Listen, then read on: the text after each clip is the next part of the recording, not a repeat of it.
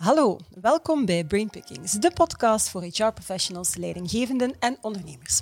Mijn naam is Leslie, founder van Zigzag HR en elke week kruip ik in het hoofd van een centrale gast om daar ideeën, inspiratie, best en next practices te stelen waar jij mee aan de slag kan in jouw organisatie of in jouw HR-team.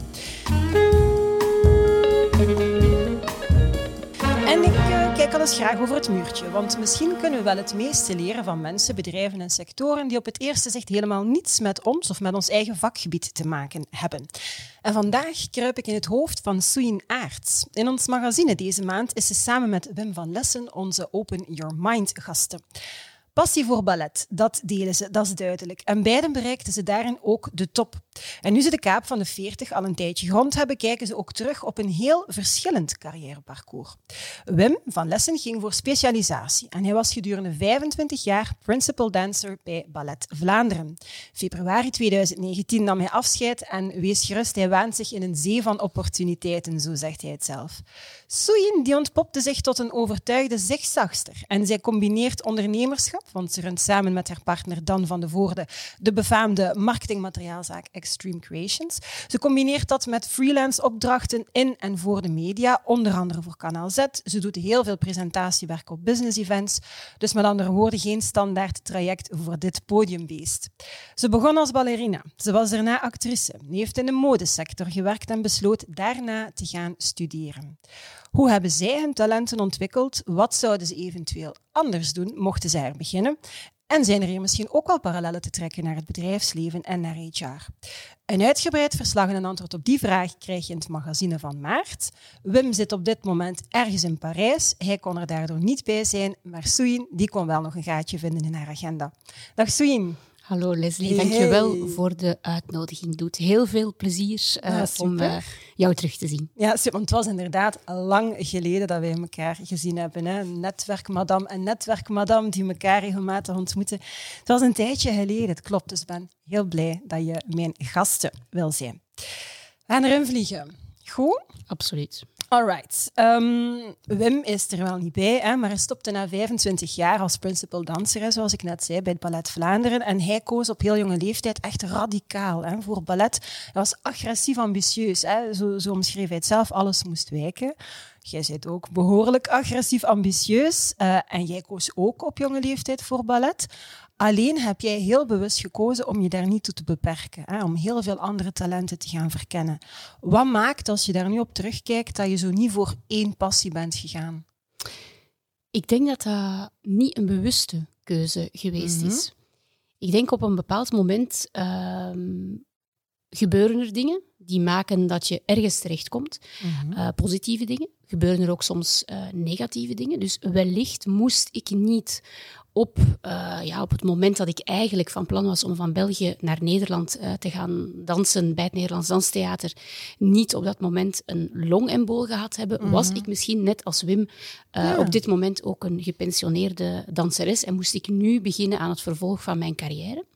dus ik denk niet dat dat op dat moment echt bewust mm -hmm. geweest is van ik ga ook dat doen en dat doen en dat doen. Het grote verschil is misschien wel dat in het geval van Wim hij is eigenlijk vanaf de lagere school, eindlagere school, in de balletschool in Antwerpen -hmm. uh, naar school geweest, waar je eigenlijk een vak leert. Terwijl ik op dat moment eigenlijk uh, gekozen heb om gewoon humaniora verder ja. te doen. Ik heb wiskundewetenschappen uh, gedaan. Ik ging studeren. Ik werd heel hard gepusht op dat moment als een van de meisjes om ingenieur te gaan mm. studeren. Maar ik danste al van mijn veertiende echt elke dag na school. En dan heb je een moment dat je denkt van oké, okay, ik ben nu 18, ik kan nu vijf jaar gaan studeren en dan ben ik doffies te oud, want je doet eigenlijk topsport. Ja. En dan is de keuze gevallen van oké, okay, nee, ik ga toch maar voor mijn topsport uh, gaan. Dus ik denk niet dat het een bewuste keuze is om echt te gaan uh, mm -hmm. al die dingen gaan combineren. Ik denk dat het eigenlijk een, een opeenvolging is van verschillende uh, zaken die gemaakt heeft dat ik nu kan ja. terugkijken hè, op ongeveer dezelfde leeftijd als Wim, op een, ja, een, een, een diverser, zal ik zeggen, parcours mm -hmm. als, als Wim. Alright, oké. Okay. Um, Nu, als we het dan hebben eh, over ehm, specialisatie uh, bijvoorbeeld, of hyperspecialisatie zelfs, in een boek dat ik geschreven heb destijds met Lisbeth Klaus, hebben we uh, beide aangehaald en vastgesteld, ook op basis van onderzoek, dat um, hyperspecialisatie eigenlijk echt een norm is geworden sedert de industriële revolutie. Um, en hoe komt dat? Ja, we hebben daarin vastgesteld dat onze, ons onderwijs daar zich op gevormd heeft, dat de manier hoe dat we in het bedrijfsleven die structuren vormgeven, eigenlijk alles wat we tot op heden eigenlijk vandaag nog doen, is op die hyperspecialisatie geënt. En ja, vaststelling is natuurlijk, we hebben specialisten nodig, die zijn zeer relevant, maar daarnaast heb je ook, ja, wij noemen dat zigzaggers, maar multipotentials uh, heb je ook nodig, mensen die constant hun loopbaan ja, recalibreren, hè, bijna. Wat zijn volgens jou dan als je nu daarop kijkt, de voor- en de nadelen van hyperspecialisatie en daarmee gepaard gaan, de voor- en nadelen van ja, jouw divers portfolio dan? Ik denk dat we in bepaalde uh, functies en jobs absoluut gespecialiseerd mhm. moeten zijn en ons daar meer en meer in, in, in gaan verdiepen. Uh, ik denk dat een aantal mensen dat effectief ook zeer goed kunnen, mm um, om zich eigenlijk um, meer en meer te gaan specialiseren. Ik denk dat het schoentje ergens wringt op een bepaald moment in ons systeem. Dat als je voorop wil uh, of verder gaan in je loopbaan, um, wat toch denk ik voor 80% van de mensen betekent, ik wil meer verdienen. Ja. Dat je dan soms gaat doorgroeien naar managementfunctie. En ik denk dat dat heel erg verkeerd is.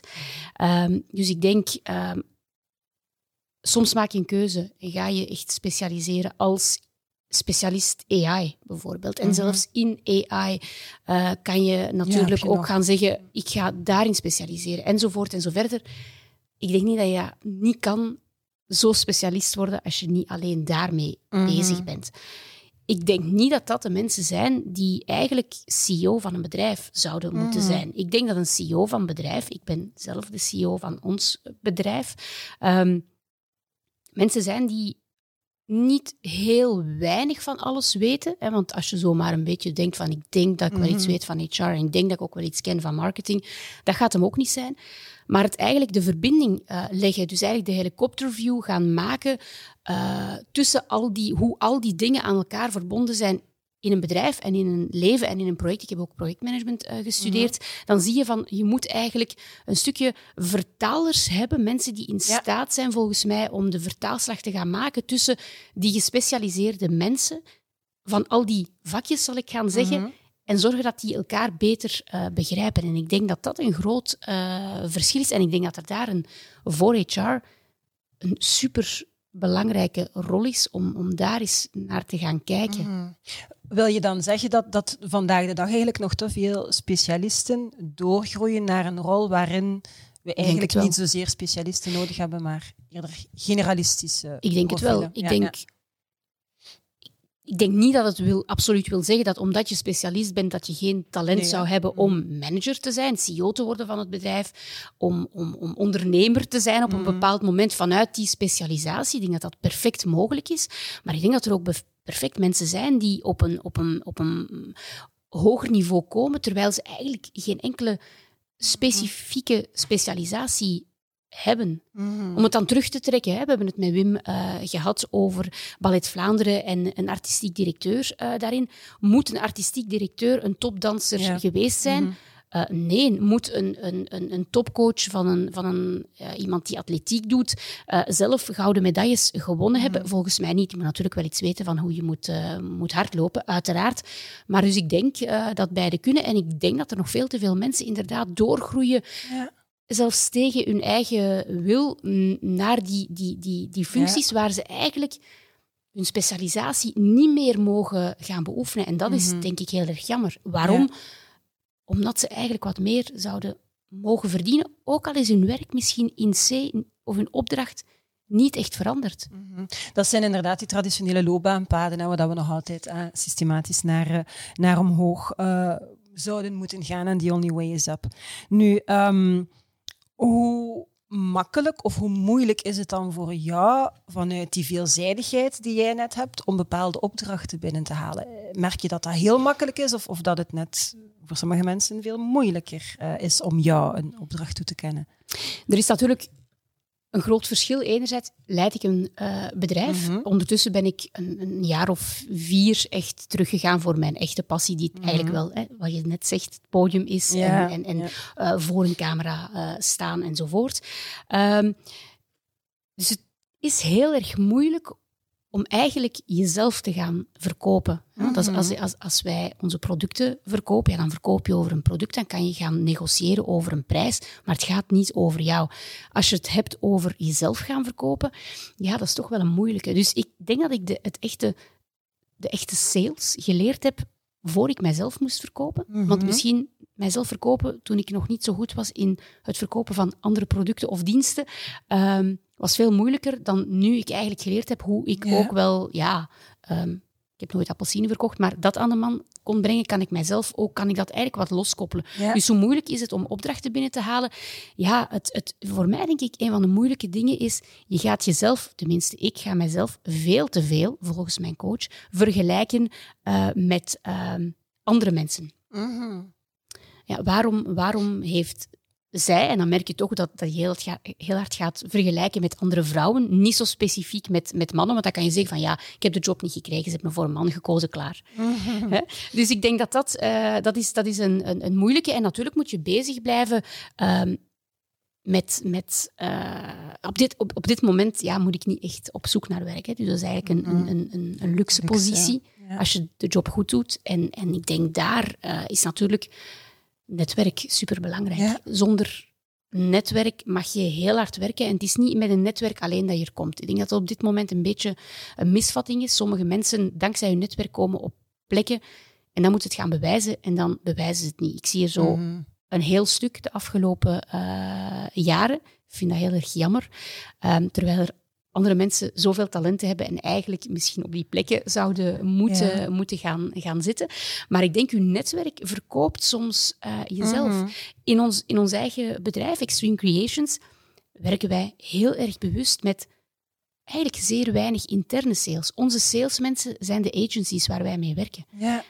Dat zijn eigenlijk, Dat zal ik zeggen, ik vergelijk het soms met ehm, een apotheker verkoopt zijn medicijnen ook niet. Het is een Mhm. dokter die ze verkoopt, ja, dat is misschien fout. Mhm. Schrijft Fouten. ze voor, inderdaad. Schrijft ze ja. voor, Mhm. inderdaad. En dus je hebt eigenlijk voorschrijvers nodig. Dus het Mhm. begint al van, we gaan een gesprek doen, we willen daar een moderator voor. Dus er moeten al mensen overtuigd zijn dat een moderator, een interviewer, zinvol is om een gesprek Ja. te gaan leiden op een, op een bepaalde manier. Als je die voorschrijvers dan hebt, ja, dan gaan die eh, eh, jou als product al Ja. voorschrijven en dan moeten ze natuurlijk bij jou eh, terechtkomen. Dus dat is eigenlijk constant het oké vinden om jezelf te verkopen en, Mhm. en, en, en dat op een, ja, op een manier te doen dat het eigenlijk wel ja, opvalt of niet. Ja. En wellicht ook voor een aantal mensen...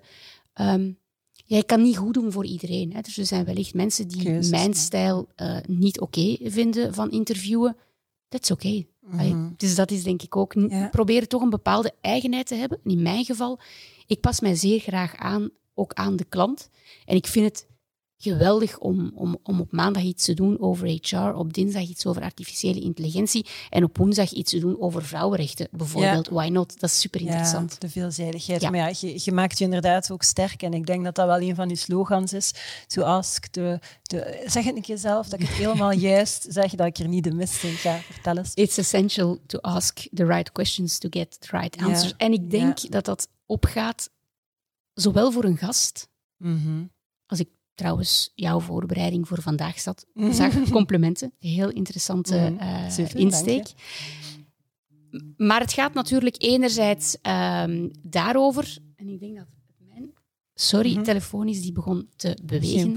Excuses. Dit is volledig live, dames en heren. Ehm, dus ehm, vragen stellen aan anderen kan je, denk ik, alleen maar als je ook jezelf de juiste vragen stelt. Mhm. En je daar Ja. je hele leven mee blijft bezighouden. Ja. Met het stellen van vragen. Is het oké dat ik met deze persoon een relatie heb? Is het oké dat ik met deze persoon in zee ga qua business? Is het oké dat ik Mhm. met deze persoon bevriend blijf? Ehm, dus niet altijd vragen van is het nog oké, maar ook, ook gewoon het, het, die vragen ja, ehm, blijven stellen voor jezelf. Mhm. En ook elke keer wel van een, van een wit blad beginnen als je andere mensen Ja. vragen gaat stellen. Ja. Stukje de nieuwsgierigheid hoor ik daarin en, en onbevooroordeeld in, in een gesprek of in een relatie of in een engagement uh, Ja. stappen. Ehm, de juiste persoon op de juiste plaats, met de juiste competenties en met de juiste waardeset. Zo omschrijven Sophie van Emeren van de Mobile Vikings en Sarah Kolkes van DPG Media Talent Management in ons magazine deze maand.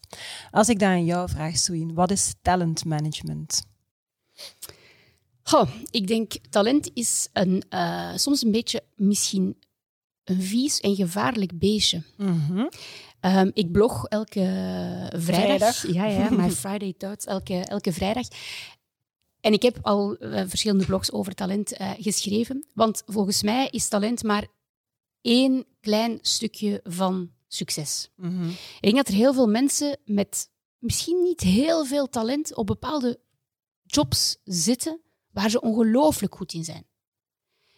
Kijk naar, naar, naar sportmensen. Ik denk als je gaat kijken naar ons nationaal hockeyteam van de heren, er zijn Mhm. daar een aantal mensen, en dat weet ik, omdat mijn dochter ook allebei hockeyen en ik een aantal mensen in dat milieu ken, die ongelooflijk getalenteerd waren, maar ongelooflijk lui waren. Maar die zitten Ah, er ja. natuurlijk ook wel in. Hè? Dus Ja. het, het, het, is, het is een mix. En ik denk, een mens heeft niet één talent. Ik ken niemand die maar één talent heeft. Alle mensen Mhm. hebben heel veel talenten.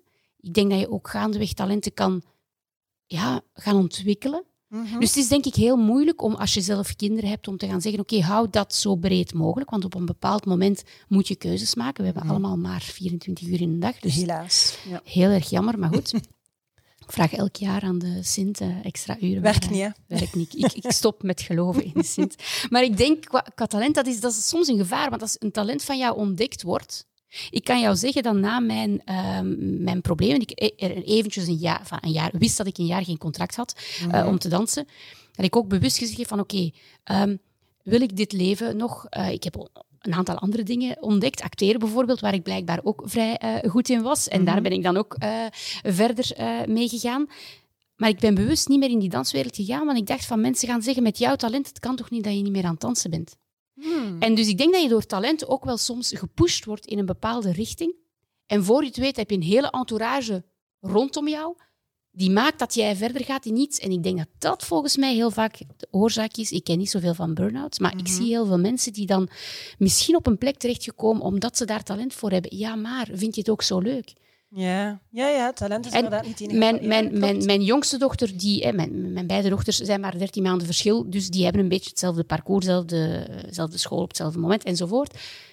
Die jongste die, die heeft talent voor viool, die heeft zelf gevraagd om viool te spelen.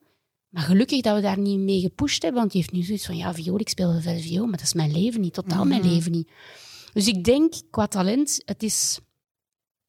Het kan gevaarlijk zijn Ja. door ontdekt te worden op een bepaald talent op een heel vroeg moment in jouw carrière. En dan zit je daar met al je talent. Mhm. Zeg, en als, je, als we dan kijken in, in het bedrijfsleven, hoe, ehm, Mhm. hoe belangrijk is, is daar de leidinggevende en, en bijvoorbeeld ook een coach, en dat is niet noodzakelijk dezelfde persoon, hoe belangrijk zijn zij eh, in het, in het ja, talentmanagement dan? Ik denk heel belangrijk. Mhm. Ik heb sinds vrij kort, hè, want ik geloof er natuurlijk niet in coaches, omdat ik natuurlijk heel veel coaches gezien heb waar ik van denk, ja, coach, Mhm. iedereen coach. Ehm, maar dat helpt wel. Mhm. helpt heel veel. Dus ik, eigenlijk zou iedereen wel een coach mogen hebben. En ik denk dat dat voor een stuk de rol in HR is. Nu, ik heb wel gemerkt als ik eh, bedrijfskunde studeerde en ik ook HR, dan dacht ik van ja, HR zijn die wollige mensen, zo'n beetje eh, peace and love. Mhm. Eh, en ik was heel erg verbaasd hoe wiskundig stuk er in HR, wiskundig is fout gezegd, maar Mhm. een stuk er in HR toch eigenlijk wel, wel, wel zit. En ik denk dat we dat wollige, zal ik het maar zeggen, wat helemaal niet wollig is, wat dat cruciaal is, die mensenkennis zeer belangrijk is in HR. Ik denk Ja. dat dat eigenlijk de hoofddoel is en dat dus al dat IT-stuk van HR moet er zijn, maar moet misschien door een ander type van mensen eh, Ja. gedaan worden. Dus ik denk superbelangrijk om, om te gaan kijken van wat zijn de talenten van mijn team nu? Maar hoe ontwikkelen die talenten of die, eh, die interesses? Want het gaat ook vaak over interesses van Mhm. bepaalde mensen. En daar moet je flexibel kunnen zijn. En dat is natuurlijk makkelijk gezegd voor iemand die een vrij kleine organisatie heeft, zoals ik. Als je Coca-Cola moet runnen, dan, dan is het misschien moeilijker om, om, om te gaan eh, schuiven met pionnen. Maar dat zou je eigenlijk wel moeten doen. Want mensen zitten op een carrière en leren gaandeweg. Ah, maar je hebt ook dit. Oh, maar daar ben ik eigenlijk ook wel goed in. Of dat wil ik eigenlijk wel leren. En, en, en vanuit misschien niet een talent, maar vanuit een interesse kunnen zij zich echt verbeteren op wat ze doen. Ja. En worden ze er ook heel erg goed in. En kunnen ze inderdaad nieuwe talenten ontdekken? Want dat is een beetje wat ik, wat Ja. ik hoor, dat die leidinggevende dat potentieel ook een stukje Ja. bijna kan gaan triggeren, dat mensen ook andere zaken gaan verkennen en dan een stukje flexibeler zijn binnen de organisatie, Ja. maar misschien zelfs ook daarbuiten. Ja, Ja. Ja, Ja. abs- absoluut. En, en, en ik denk dat we ook niet mogen vergeten hoe erg dat we soms ehm, dingen die we heel jong horen, toch Mhm. meenemen. Mhm. Ik ben iemand, ik schrijf gegarandeerd DT-fouten. Ik schrijf gegarandeerd fouten in Nederlands. Ik schrijf fouten in het Frans. Waarom? Niet omdat ik het niet weet, hè. omdat ik gewoon te snel ga en ik ben gewoon... Ik vind het gewoon niet zo leuk om dan na te denken. Dus is het misschien een beetje fout geweest van de opleiding? Of was ik zo geïnteresseerd over de content, minder Mhm. dan op dat moment de vorm? Dus ik dacht, ik kan niet schrijven. Ja. Maar ik ben ondertussen wel al twee jaar en half aan, aan, bloggen. Dus ik kan blijkbaar wel schrijven. Dus heb ik wel een talent voor schrijven, maar door een verkeerde eh, zicht misschien van mijn ouders, eh, die zeggen van je schrijft veel te veel fouten, denk je, oké, ik schrijf veel te veel fouten, dus ik kan niet schrijven. Mhm. Maar ik denk dat dat ook wel dingen zijn die we, die we moeten, moeten kijken in, in wat willen we voor een bepaalde job absoluut in iemand zien. Ja. Moet een ehm, receptioniste vriendelijk zijn? Ik denk het wel, absoluut. Moet zij verschillende talen kunnen? Absoluut. Als je internationaal werkt, is dat zeker nodig. Ehm, moet ze daarom ook absoluut foutloos kunnen schrijven in alle talen? Dat is misschien niet echt nodig. Mhm. Mhm. Eh, dus ik denk dat we daar soms een beetje moeten herbekijken welke talenten hebben we nodig. Maar ik denk super cruciaal vandaar mentoren of coaches te hebben Mhm. binnenin het, eh, in het bedrijf. Ja. Ja. Ik denk dat mentorschap in bedrijven ook wel werkt. Ik hoor Ja, dat in absoluut. grotere bedrijven. En coaches, ik ga geen namen noemen, maar ik heb ooit iemand geïnterviewd, eh, een heel hoge Piet in een heel hoog, groot bedrijf, eh, die, mij, die mij zei van, natuurlijk niet op camera, of camera, eh, die mij zei van, ik heb een coach van het bedrijf, maar ik heb ook mijn coach. Mhm. Want die coach van het bedrijf is heel erg gestuurd door het bedrijf. Want het bedrijf Ja. heeft iets met mij Is iets van plan, heeft een Ja. bepaald traject heeft een traject voor ogen. Ja. En ik wil dat zelf toch wel even afchecken Ja. met mijn coach of dat dan altijd wel zo goed is. En dan kwam het op die talenten. Want ik ben zo getalenteerd daarvoor. Mhm. Maar door een bepaalde richting uit te gaan, ja, verlies je weer andere, andere, Ja. andere dingen. Oké, dus inderdaad een stukje een coach die, die wel losstaat van jouw huidige ehm, functie, zodanig dat je heel breed kan kan. Ik denk kan het wel. Ik denk, ik denk dat je als- bedrijf misschien ook moet loslaten van oké, we hebben hier een, een coachingbudget voor een bepaalde persoon. Ik denk dat het ook afhangt van de coach. Hè. Een Mhm. coach kan ook zeggen van goed, ik ben hier die persoon aan het coachen. En, en, en ik ken coaches, zeer goede coaches, die ook zeggen, er zijn mensen die ik gecoacht heb met een budget van bedrijf X, aan wie ik aangeraden heb, ga zo snel mogelijk ergens anders werken. En dat doe je dan met eigenlijk... eigenlijk Maar dat is eigenlijk de Ja. rol van een, van een coach ergens wel, de vind ik. voorhouden, ja, absoluut. En als je Ja, dan te veel geleid wordt door, dan, dan, dan ga je de mensen coachen. Dat kan ook, hè. Kan denk Mhm. ik de mensen, mensen ook coachen op complete foute dingen. Hè. Ja, ja. En dat is wel Ja, eigenlijk mag je dan zelfs, als ik, als ik dat zo beluister, eh, een coach heeft niet als opdracht om iemand in een richting te duwen. Een coach heeft als opdracht om die spiegel voor te houden, uiteindelijk dat de persoon zelf hè, tot, de, tot de juiste keuze komt. Ehm, ja, als ik hier met een, eh, een netwerkdame voor mij zit, dan kunnen we het niet anders dan ook over netwerken hebben. Eh, en ik moest bij de voorbereiding van het gesprek terugdenken aan eh, Marion de Bruyne, Kathleen de Stobbelaar. Ik had ook met hen een, een heel interessante podcast. En we hadden het ook over netwerken.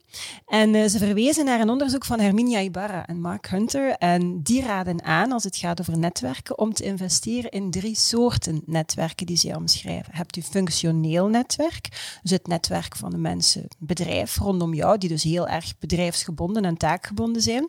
Dan heb je een netwerk dat eerder gericht is op uw bredere ontwikkeling. En dan heb je een netwerk dat echt naar de strategische doelstellingen gaat. Dus dat zijn mensen die jou kunnen helpen in een volgend traject overmorgen, volgende jaren en zo verder. Dus op veel langere termijn. Ja, jij bent een netwerker. Hoe ga jij strategisch om met netwerken opbouwen, onderhouden? Goeie vraag. Moeilijke vraag. Ehm, ik heb heel lang gedacht, en dat is tot na mijn eerste televisiecarrière als actrice, dat op dat moment netwerken vriendjespolitiek was. Mhm. En je dacht van, daar doe ik niet aan mee. Als ze mij willen, dan moeten ze mij willen om wat ik kan en niet omdat ik de juiste mensen ken. En eigenlijk is dat een heel foute, eh, foute idee van mij, denk Mhm. ik, geweest. Want eigenlijk kom ik ondertussen, hè, de kaap van de 40 gepasseerd, zoals je zei in je intro, heel weinig mensen tegen die posjespakkers zijn eh, omwille van papa of mama of Mhm. de rest. Er zijn er, hè. Maar goed, toch wel weinig. Ehm, dus op een bepaald moment besef je van... Ik zei heel vaak aan mensen, ik ben toen toevallig terechtgekomen bij televisie. En toen ben ik toevallig terechtgekomen in de mode. En toen ben ik toevallig terechtgekomen daar. En dan ben ik toeval... En dacht ik van, toeval? Was dat toeval? Nee, dat was eigenlijk op dat moment mijn netwerk. En dan heb ik het eigenlijk beseft van... Mhm. Ja, een netwerk. ehm, is, dat, is het misschien een klein beetje proberen om deuren open te houden? Wil het zeggen als een deur toe is dat je je nooit meer open krijgt? Nee, want mijn deur voor, voor media was compleet gesloten. Het is natuurlijk heel erg moeilijk en het is heel erg moeilijk, want ik zit eh, nog steeds niet op de plek waar ik wil zitten, verre van, omdat ik al die deuren gesloten heb, uiteraard. Mhm. Ehm, dus je krijgt die op een bepaald moment wel open. Als je hard genoeg duwt, dan, dan, dan, dan, lukt, het, eh, dan lukt het wel. Maar het kan ook best zijn dat je, mensen, eh, dat je wat contact houdt met mensen, want je Ja. weet nooit waar het goed voor kan zijn. Mijn, een van mijn eerste, of nee, niet een van mijn eerste, maar mijn eerste serieuze eh, liefje bijvoorbeeld, was een netwerker puur sang. En die zei, die, die, die, die ouders waren expats en die, die hadden geleefd in, in Afrika en dergelijke meer. En hield dan zo contact met, met, met die mensen. Op het begin dacht ik van oké, fijn. Tot, tot hij dan con- kaartjes begon te schrijven naar meisjes die dan ongeveer mijn leeftijd hadden, eh, om te zeggen happy birthday. En dat vond ik helemaal niet oké. En Ja, maar ik ga contact met die, met die mensen, you never know. Op dat moment ben je een gefrustreerde tiener en denk je van, hoezo is zij beter dan ik en, en zij woont daar en, enzovoort. En dan denk je, het is toch eigenlijk wel slim, want die kerel ondertussen, die heeft een geweldige job, is ondernemer. En dat is opgebouwd toen al, hè, als, als 23-jarige. Ongelooflijk. Ja. Dus is het, is het belangrijk om na te denken over functioneren? Ik denk dat het heel belangrijk is om te netwerken, niet enkel in, in jouw, in jouw eh, zoals jij het aangeeft. in je in eigen jouw- vakgebied. Ja, Ja. want dan zit je, dan zit je te praten met mensen. Hè, vind jij ook niet? Ja, zwaar. Mhm. Ja, ja, ja. Dus het is denk ik super interessant om, om die dingen mee te nemen. En ik denk dat dat mij een, een, een, een, generalist maakt. Om Mhm. eigenlijk ook in gesprekken te stappen. En ook gewoon te zeggen, want je hebt er heel veel die dan heel veel bla bla verkopen. En dan is het geweldig om te zeggen van. Kan je mij dat eens even uitleggen? En dan zie je Mhm. van, ja, kunnen ze dus niet. Ze gebruiken fantastische termen die ze eigenlijk niet kennen. Ehm, maar ik denk dat dat heel belangrijk is om, om, om oh, wat jij ook zei in je intro, over het muurtje te gaan kijken. Dan denk je, ah, en dat voedt jou Ja. in je netwerk, maar ook voor je eigen dingen, maakt dat je soms andere, andere eh, paden kunt. Dus ik denk, moet je dat voorbereiden? Moet je daar strategisch mee bezig zijn? Ja, eigenlijk wel, want Mhm. strategisch is weten van, ik ga dit doen omwille van, maar af en toe moet je het ook gewoon openlaten. Moet je gewoon zeggen van, hm, komt op mijn pad, Mhm. men vraagt mij om daar of daar eens naartoe te gaan. Why not? Wie weet Ja. wat brengt het. Ja, een stukje die serendipity die we vanuit Zigzag HR ook zeggen dat iedereen moet toelaten. Van probeer het inderdaad niet allemaal heel strak geregeld en afgebakend te hebben, Ja. maar laat ook toeval toe. En als je dan inderdaad op een netwerkevent, eh, als ik dan een stukje naar mezelf kijk, dan ging ik eh, nooit zoals veel strategische netwerkers gaan kijken van wie zijn de belangrijke personen die ik moet gezien hebben. Ik zal die wel op een andere manier proberen te contacteren, maar ik ging dan gewoon ergens gaan zitten serendipity gewijs. En dan kom je soms naast mensen te zitten dat je denkt, ja, dat is super boeiend gewoon. En dat had je eigenlijk nooit op de persoon of op het gezicht af kunnen veronderstellen. En dat zijn uiteindelijk ook mensen die je later nog kan tegenkomen of die je nieuwe inzichten kunnen bieden. Dus Klopt. dat is bij jou ook een stukje die diversiteit van, van, van netwerken waarin dat je je begeeft, maken die breedheid net. Hè? En, en ook wat je net zei, het gaat dan over een gesprek voeren en dan vragen stellen of eigenlijk vooral luisteren Mhm. naar, naar mensen Mhm. op, op netwerk-events voor een stuk. En ook niet oordelen. Ja. Ja. En niet beginnen nadenken van, oké, ja, maar ja, mm, zij is eigenlijk meer concurrentie voor mij, dus maak dat ik hier weg ben. Of, ah nee, maar die persoon is wel interessant. Dat, of ja, maar ja, die verkoopt hier, eh, weet ik veel, machines om aardappelen eh, te, te verdelen. Ik niet interessant, heb ik niks aan. Niks te maken met inflatables, niks te maken met presentatiewerk, doei, ik ben weg. Ja, misschien niet. Want dat zijn echt dan echt vooroordelen, Ja, denk ik. ja. Of je ziet het inderdaad niet op het gezicht van de mensen of ze, Ja. Of ze iets voor jou zijn. Hè. ja, plus iedereen heeft een interessant verhaal dat je weer iets uit Plus- opsteekt. Hè? Plus, het gaat ook over, over... Netwerken is niet alleen professioneel netwerken. Mhm. Netwerken is ook zorgen voor een stukje dat je een vangnet hebt ehm, privé. Mhm. Dat is ook je netwerk, hè? Absoluut, ja. Ehm, nu, als je kijkt, eh, we hebben het nu vooral over netwerken en, en naar, naar netwerkevents gaan, wat natuurlijk een beetje moeilijk is in de huidige eh, omstandigheden. Maar misschien, ja, ben benieuwd, hoe doe jij dat nu? Ik vind de nieuwe hype Clubhouse wel Ah, de voilà, enige ja. die eh, op dit moment toch op een of andere reden erin slaagt om ons allemaal binnen te laten stappen op plekken waar we anders niet zouden komen. Dus ik vind het. Ik weet niet of het bewust gelanceerd is. Ik veronderstel van wel. De vraag is natuurlijk, wat als we weer allemaal mogen buitenkomen? Wat is dan de toekomst van Mhm. Clubhouse? Dan zal Clubhouse wellicht eerder een, ehm, eh, een, een iets zijn tussen een eh, podcast slash Mhm. radio. Eh, dat is dan de toekomst die ik ervoor zie, want het vervangt niet de, helemaal die toevallige contact. Mhm. Want ik denk dat dat eigenlijk is wat, wat, wat we allemaal het meeste missen, zijn die toevallige contacten. Ja. En ik heb geluk, ik- mag nog vrij veel buiten komen voor mijn job, dus ik kom Mhm. wel wat mensen tegen. Maar er zijn eh, legio mensen die ondertussen al een jaar niemand meer toevallig gezien hebben. Mhm. Ja, En ja. wij kennen elkaar vrij goed, al een tijdje, maar wij hebben elkaar nog niet gebeld om te vragen zeggen hoe is het met u? Nee, nee, klopt. Mhm. Dus je doet dat, ik weet niet jij, maar dat doe ik alleen maar met echt Ja, super heel- close ja. friends. Mhm. Ehm, dus ik denk ehm, dat online netwerken, en ik, ik, ik presenteer en ik host eh, en modereer heel veel online events. Ik zie dat toch nog niet Mhm. echt. Ik heb nog niet echt een moment gehad van. Wauw, dat netwerken is de max. Het is al heel erg moeilijk om die koffiebabbels Ja. te reproduceren binnen, binnen een, een, een eigen bedrijf. En dat is, dat is toch niet zo evident. Laat staan een, een, een event eh, waar je eigenlijk een, ja, als eventorganisator allemaal mensen van allemaal verschillende allooi op jouw event willen hebben. En dan ga je een beetje ja, speeddate-achtige dingen Mhm. doen. Maar ik weet niet of het, of het echt lukt. Ik denk dat mensen daar nog een beetje angstig van zijn. En dan denk je, ja, dat is een beetje Tinder-gewijs. Ik heb geen Tinder-profiel. Maar ik heb bijvoorbeeld wel een vriendin die eh, single is. Helemaal niet op zoek is naar, naar een vaste partner of, of, of, of naar een, een, een, een seksbuddy. Maar die zegt, ik heb wel... En had je het mij een jaar geleden gezegd dat ik op Tinder zou zitten, ik had er nooit, nooit geloofd. Maar ik heb daar bijvoorbeeld wel twee wandelmaatjes Ah ja. gevonden. Ja. Maar ja, dan moet je al die, die insteek hebben van ik ga op Tinder. Je gaat niet, denk ik, op Tinder iemand gaan zoeken Om te je- wandelen. om te wandelen. Maar dat is wel wat, wat, er, wat, Ja. wat, wat eruit komt. Dus netwerken online, ik denk vooral contact nemen met de mensen die je al kent. Mhm. Zo echt mensen online leren kennen is toch wel heel moeilijk. Zeker als je niet al een gigantische persoon bent. Als je, als je het al, Mhm. ja, misschien zou het wel makkelijker kunnen zijn, want, want dan denken mensen soms, hè, wel, dat zijn netwerkers die gaan praten met iedereen. Mhm. Ja, ik kom ook op een event eh, binnen waar ik niemand ken en ik ga daar ook niet zeggen van hallo. eh, eh, dat blijft awkward, denk ik, voor, voor iedereen. Om op iemand toe te stappen en, en te zeggen van ehm, ja, warm hier zeker. Hè? En Mhm. lekkere koffie. Ik bedoel, dat, dat is iets die, die, die weird is. En online, ja, we hebben het ook niet echt, echt geleerd zoals onze, Nee. zoals onze kinderen misschien, het misschien wel geleerd hebben.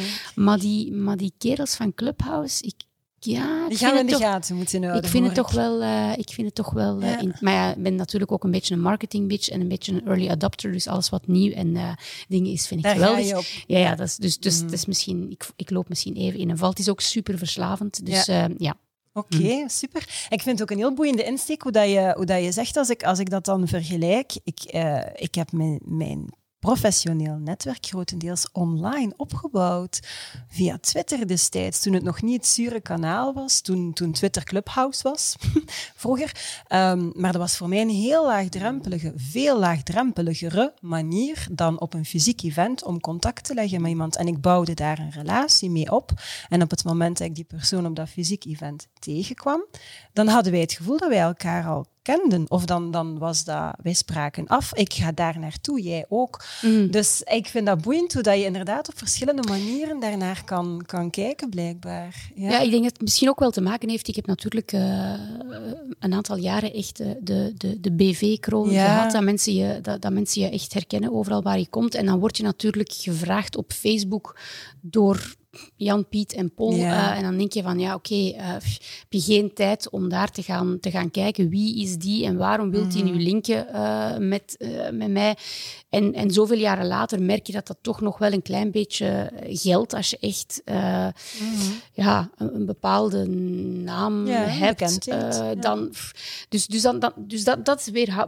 Pas op, er zijn ook mensen die ik online heb, heb leren kennen. Mhm. dus ik had daar misschien ook een beetje op een bepaald moment een vooroordeel van ik ga alleen maar mensen nou, dan spreek je wel over, over zes jaar geleden, hè. Mhm. Eh, alleen maar mensen aanvaarden op mijn sociale profielen als ik ze al gekend had. Mhm.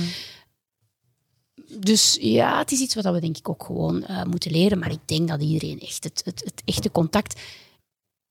Je, je hebt toch ook zoiets van als je iemand tegenkomt dat zo mhm. ja, een, een aura of zo is. energie, denk ik. Die, die dan op een of andere manier matcht of botst. En dat voel je niet. Hè? Dat, voel mhm. je, dat, is, dat is denk ik het gevaar misschien. Op de computer voel je de energie niet tegen of, of, of meestromen, dat klopt. Ja, nee, en dan kan je misschien en dan kan je zoiets hebben van. Oh, oh. Mhm. Mm. Ja, dat had ik niet zien aankomen, zoiets in die zin. Maar het zal, eh, het zal inderdaad ook een impact, uh, je persoonlijkheid, de mate waarin dat je lef hebt om naar mensen toe te gaan. Als je inderdaad een bepaalde bekendheid hebt, waardoor dat mensen. Oh, jij hebt heel veel lef, hè, Leslie. Jij bent, denk ik, mag wel gezegd worden dat jij echt daar het lef ehm, hebt om, om, om te zeggen van. Uh, beste Mathilde, kom jij eens uh, in mijn uh, podcast? Ja. Bedoel, schijn, doen. schijn kan bedriegen, zeg ik dan. uh, lef kunt je... Je kunt faken. het gewoon... Ja, faken denk ik niet. Je kunt ook gewoon springen en dan zeggen, wat heb ik nu gedaan? Als je dat lef noemt, dan heb ik lef. ja, maar ik herinner ja. mij iets wat je in, in een gesprek, weet niet of je het zelf uh, nog, nog weet, maar wat een hele mhm. grote impact heeft gehad op mij als het gaat over uh, ondernemerschap. Je hebt op een bepaald moment tegen mij gezegd van... Um, je moet ook niet altijd willen springen. Als je ziet dat er mhm. geen water in het zwembad is, dan zou je wel heel erg dom zijn om te springen. Ja. Ja, en dat klopt, wel. Hè? ook al heb je heel erg zin om te springen, je ziet dat er geen water is. Maar ga je te spring, springen? Spring dan gewoon niet. Dus Dank je wel daarvoor, maar uh, dat is een, een, een, een, heel mooi uh, beeld wat echt wel klopt. We moeten die mensen pushen om te springen. We mm. moeten ze leren om te kijken waarin ga je mm -hmm. springen. Ja, ja, en zorgen dat er water inderdaad in dat zwembad zit. Mm -hmm. um, grote dromen stuwen ons vooruit, sowieso. Ik denk dat we dromen nodig hebben. Ik ben zelf opgegroeid met het idee dat je kunt worden wat je wilt als je hard genoeg werkt. Mijn vader heeft mij dat altijd gezegd. Ik weet ondertussen dat dat niet klopt. Hè. Dat je ook geluk moet hebben en dat timing er ook is. -hmm. um, ik had onlangs trouwens een fantastische film nog een keer over gezien. You want something, go get it, period. Dat is een stukje uit de film van Pursuit of Happiness met Will Smith. In ieder geval, mensen die luisteren of kijken moeten daar zeker uh, naar zien. Maar um, in die film ging eigenlijk vooral, en dat is het bruggetje dat ik wil bouwen, naar het, het, het als je echt gelooft in je dromen, dan moet je er wel durven voor gaan. Dat wil inderdaad niet zeggen dat je onbezonnen in dat zwembad moet gaan springen, maar je moet er dan wel voor zorgen dat er water in dat zwembad geraakt. Dus laat u niets wijsmaken door anderen. Wees koppig, ambitieus wat dat betreft. Dan ben ik heel benieuwd als ik zie nou wat je allemaal gedaan hebt. Wat staat er dan nog op jouw wishlist? Wat zijn jouw professionele dromen? Ik ken een fysieke ambitie die je binnenkort gaat uh, najagen. Maar wat zijn jouw dromen nog? Een fysieke ambitie, je hebt het over mijn... Uh... Ja? 666 kilometer op zes dagen in de Atlas. Ja, dat is, um, ik zal het hier maar uh, zeggen, dus ik heb het gezegd. Ik heb ooit zo gezegd ook dat ik mee ging doen aan Miss België en dan houden mensen jou eraan en dan moet je dat dus gaan doen. Dus, dus ik moet nu wel naar Marokko. -hmm. um, goh, ik ben een enorme fan van Oprah Winfrey. -hmm. De mhm. manier dat zij uh, mensen interviewt. Oké. Okay. -hmm. Dus als ik zo even de Oprah Winfrey van Europa, zullen we dan maar zeggen, we zullen klein beginnen, kan worden, dan, uh, dan, uh, dan, dan, ben ik, dan ben ik heel blij. Wow. Um, dus um, als ik mijn eigen tv-show kan hebben waar ik okay. mensen uh, kan interviewen, ook mensen met elkaar kan gaan linken vanuit heel rare uh, combi's, dan zou ik, ja, dat, zou, dat zou wel een, wel een droom zijn die uitkomt. Maar het probleem is dat ik al, al heel erg bij mezelf merk dat na elke droom die, die er is, komt er wel weer een andere. Dus ik Mhm. hoop vooral dat ik heel mijn leven van de ene droom naar de andere kan, kan, kan overhuppelen en dat ik nooit Mhm. stop met, eh, met dromen en dat ik inderdaad geloof in dromen. En misschien is een andere droom ook mensen doen inzien dat ook zij moeten geloven in zichzelf en Ja. in hun dromen. Als ik dat een klein beetje kan realiseren, Mhm. bij jongen, maar misschien ook bij iets minder jonge mensen, ja, dan, dan dat is ook wel een droom die zou Ja. uitkomen. Dus verder dan mijn eigen kinderen, ook andere kinderen kan aanzetten van Oh, geloof mooi. in jezelf, eh, geloof dat je het kan en geloof ook dat, dat je keuzes moet maken, maar dat geen enkele keuze een keuze voor het leven hoeft te zijn, Mhm. tenzij kinderen maken. Dat is Ja. nogal voor het leven. Dat is Ja. de enige keuze die ik in mijn leven gemaakt heb, die tot nu toe ehm, Onomkeerbaar. onomkeerbaar is. Maar al de rest, huizen kopen, verhuizen naar het buitenland, kiezen voor een carrière. En dan denken van, hmm, Ja. dat is hem toch niet. Of ik wil op de top geraken.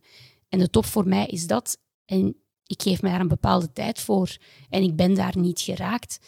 Ja, hou dan de eer ook aan jezelf en zeg van Mhm. oké, ik heb het niet gehaald. Ik ben niet een principal in Ballet Vlaanderen Mhm. geweest. Ik heb niet mijn allergrootste droom, Nederlands Danstheater, eh, bereikt. Is dat jammer?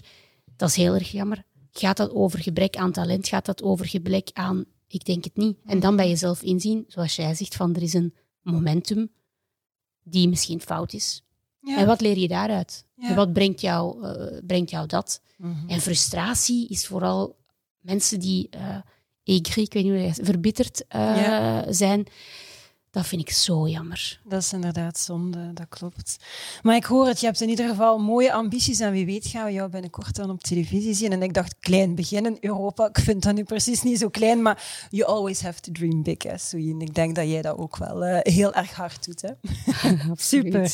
Oké, ehm, heb je nog een finale boodschap die je de wereld in wil sturen via dit kanaal? Een ultieme idee, project, eh, waar dat je hulp bij nodig hebt, vraag, voorstel?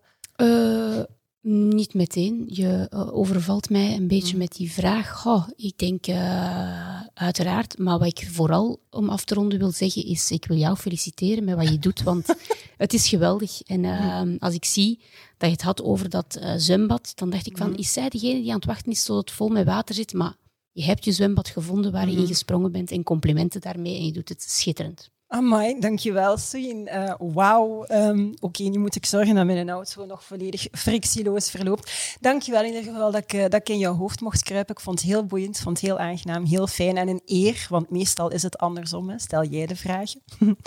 Ehm dankjewel ook aan, eh, aan jullie om te, om te luisteren of om te kijken. En volgende keer kruip ik opnieuw in het hoofd van een centrale gast. En dat zal Bruce Vecher Lippens zijn. En die heeft na een loopbaan bij McKinsey, Solvay en Euroclear de stap naar het gewaagd. En heeft zijn eigen venture opgericht, Wappie.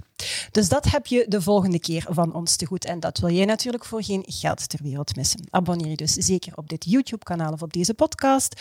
Vond je deze podcast geweldig? Vertel het dan vooral verder. En ehm, ja, aan iedereen die het wil weten, op die manier kunnen wij ook verder groeien. En het allerbelangrijkste, never forget, it's a great time to be in HR. Tot de volgende!